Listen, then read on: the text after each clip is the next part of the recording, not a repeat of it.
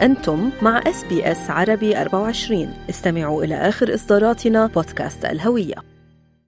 أعلنت الحكومة الفيدرالية عن إيقاف سحب أموال الادخار التقاعدي superannuation كخطوة من شأنها حماية المدخرات التقاعدية للأستراليين. وقال وزير الخزانة الفيدرالي جيم تشالمرز أن نظام الادخار التقاعدي في أستراليا يواجه إصلاحا شاملا حيث تبحث الحكومة عن طرق لمنع السحب المبكر لأموال الادخار. ويذكر أن الأستراليين قاموا بسحب حوالي 36 مليار دولار من صناديق الادخار التقاعدي الخاصة بهم أثناء الوباء. للحديث عن قرار الحكومة إيقاف سحب أموال الادخار التقاعدي وتداعياته على حياة الأستراليين. أجريت أنا منال العاني لقاء مع السيد باسم راشو الذي قدم طلبا للحصول على جزء من مدخراته التقاعدية لدفع أقساط منزله لكن قرار الحكومة منعه من المضي قدما. في هذا الموضوع الذي قال عنه السيد باسم إنه ليس بالأمر السهل سحب مبالغ من صندوق الادخار التقاعدي؟ بصراحة أنه أصلا ما كانت سهلة في متناول اليد أنه ال superannuation ما كان يعني إنه تروحين تدقين الباب تتصلين بيهم يدفعون. لا ابدا ما كانت سهلة. كان أكو صعوبات كثير وأنا جربت آه، ذلك. وهسه إنه انغلقت آه، بالمرة بعد ما طلع ال statement مال الحكومة.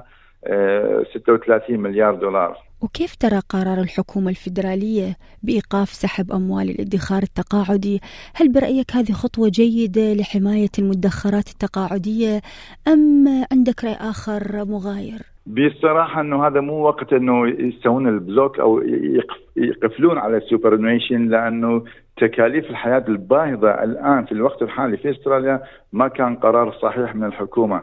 آه، لأنه أبسط شيء أبسط شيء أنت تستعملين ال superannuation من تتضايقين بال mortgage من تتضايقين آه، طبيب الأسنان. أنا مثلا زوجتي راجعت آه، طبيب أسنان طلب من أجل 56 ألف دولار. so إذا تجين على superannuation ما كانت سهلة متناول باليد. كلها كتابنا وكتابكم واتصالات وأخذ وعطاء وأصلا ما ما أخذنا حتى بها موافقة. نعم يعني, يعني أعتقد القرار غير صائب طيب أستاذ باسم ليش ردت تسحب الإدخار التقاعدي تبعك ال superannuation؟ بصراحة بعد ما أسست عمل جديد صار عندي متراكمات بال mortgage so من اتصلت بال superannuation كان من المستحيل إنه تحصلين عندهم إلا في حال يقولون إنه مثلا آه، تاخذ كتاب إخلاء المنزل يلا نقدر إحنا نساعد. ومن حكيت ويا البنك قالوا إذا وصلت هذه المرحلة أصلا superannuation ما راح يلحقون عليك حتى يدفعوا لك الفوارق في هذه الفترة لأنه إحنا نكون مطلوب مننا تخلي البيت وبعدين انتظر تطلع المساعدة من ال superannuation من المحل ال warehouse ال factory هو إيجار بس انه ال mortgage المنزل من أسست العمل الجديد صار صعوبات توفينا إيجار ال factory وتوفينا إنه ال mortgage المنزل. فتراكم عندي شهر أو ثلاثة اشهر مال ال mortgage. so حاولت من superannuation كان من المستحيل نحصل عندهم إلا مثل ما ذكرت إنه آه، ينطوك ورقة إخلاء المنزل ذيك الساعة ذاك الوقت إنه superannuation يتدخل بس راح يتدخل متأخر جدا أنت المفروض تكونين خالين من بيت المحكمة. نعم. طيب ومن بعد ما توقف السحب آه، بحسب إعلان الحكومة الفيدرالية توقف سحب ال superannuation أو الادخار التقاعدي كيف راح تدبر أمورك؟ هل عندك حلول أخرى ببالك تتصرف فيها بخصوص ال mortgage أو قرض المنزل؟ تحدثت مع البنك؟ نعم حاليا راح يكون focus تركيزنا على ال mortgage. لأنه راح نوقف كل الكماليات الحياة، تعرفين الحياة في استراليا بها رفاهية وهاي الرفاهية بها ضريبة لازم ندفعها، so أنت مجبورين هسه تلغين هواية ال insurance، تلغين هواية أمور كماليات، الصالونات وهالأمور هاي تلغيها حتى تسوين تركيز على ال mortgage فقط. وهاي نعم. النسبة الحالية العالية جدا. وحضرتك أستاذ باسم أيضا عندك business أو مصلحة نعم. تجارية صغيرة آه، تعمل بها الآن فخبرني كيف تضرر عملك كيف أمورك الآن من تصعب الحياة ماديا راح الإنسان أوتوماتيكيا يعني يعني بشكل طبيعي راح يتوقف من كثير أمور مثلا يقل البناء يقل ال renovation يقل التصليحات في المنزل فهذا فهذا يعكس علينا إحنا اللي اللي نشتغل داخل ال construction من ضمن ال construction. بصراحة أنا ضبطت أموري ويا البنك كل شيء مشى حال تمام بس مثل ما قلت إنه قصرت في أمور أخرى مع العائلة حتى أضمن ال mortgage. يعني كثير من الكماليات وال insurance سيارات والتصليحات وال renovation كل هاي الأمور أنا وقفتها من أجل نعمل تركيز على ال mortgage المنزل. ومثل ما ذكرت إنه إنه ما ما نحتاج إحنا السوبر فقط لهالأزمات. الأكثر أهمية هو آه، وقت تصليح الأسنان. يعني يعني شيء خيالي أسعار أو كلفة التصليح الأسنان شيء خيالي. so لازم نلتجئ لل superannuation من نيجي من ال superannuation ونقول لهم عندنا هاي القائمة ب 50 أو 60 ألف دولار. يعني شيء غير سهل إنه تحصلي عندهم هالمبلغ أو حتى نسبة من عنده. طيب. صعب جدا. وإذا من الآن تسحب السوبر آه، يعني لما تتقاعد ما راح تواجه صعوبة أكبر؟ آه، يمكن يخلص السوبر لغاية ما آه، تتقاعد. كيف راح تتصرف بهالحالة؟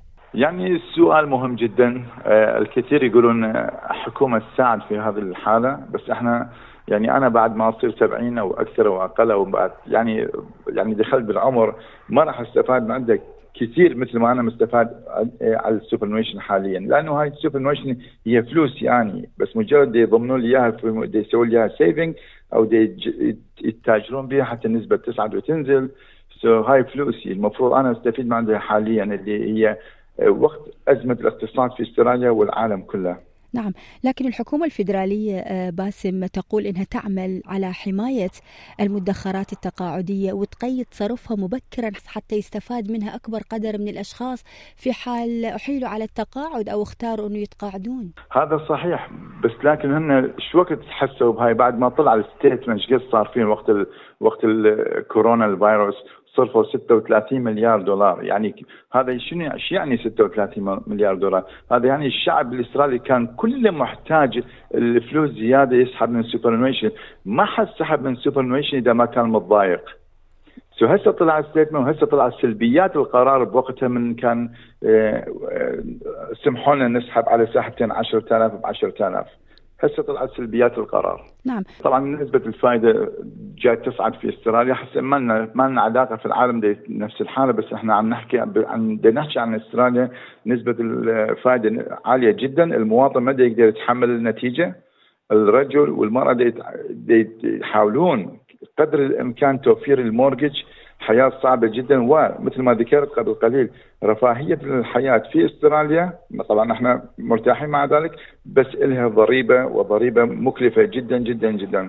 سو المفروض من الجميع حاليا بالوقت الحاضر إذا تبقى الحكومة على قراراتها وعلى نسبة الفائدة المرتفعه لازم إحنا نتخلى عن كل الكماليات اليومية الحياتية. نضمن بعض الدفعات المهمة مثل ال mortgage وطبيب وال والأمور الأخرى المهمة فقط. يعني مثل ما ذكرت إنه إحنا آه، استغنينا عن الكماليات. حتى insurance السيارات لغيته 208 حتى insurance البيت لغيته بصراحة.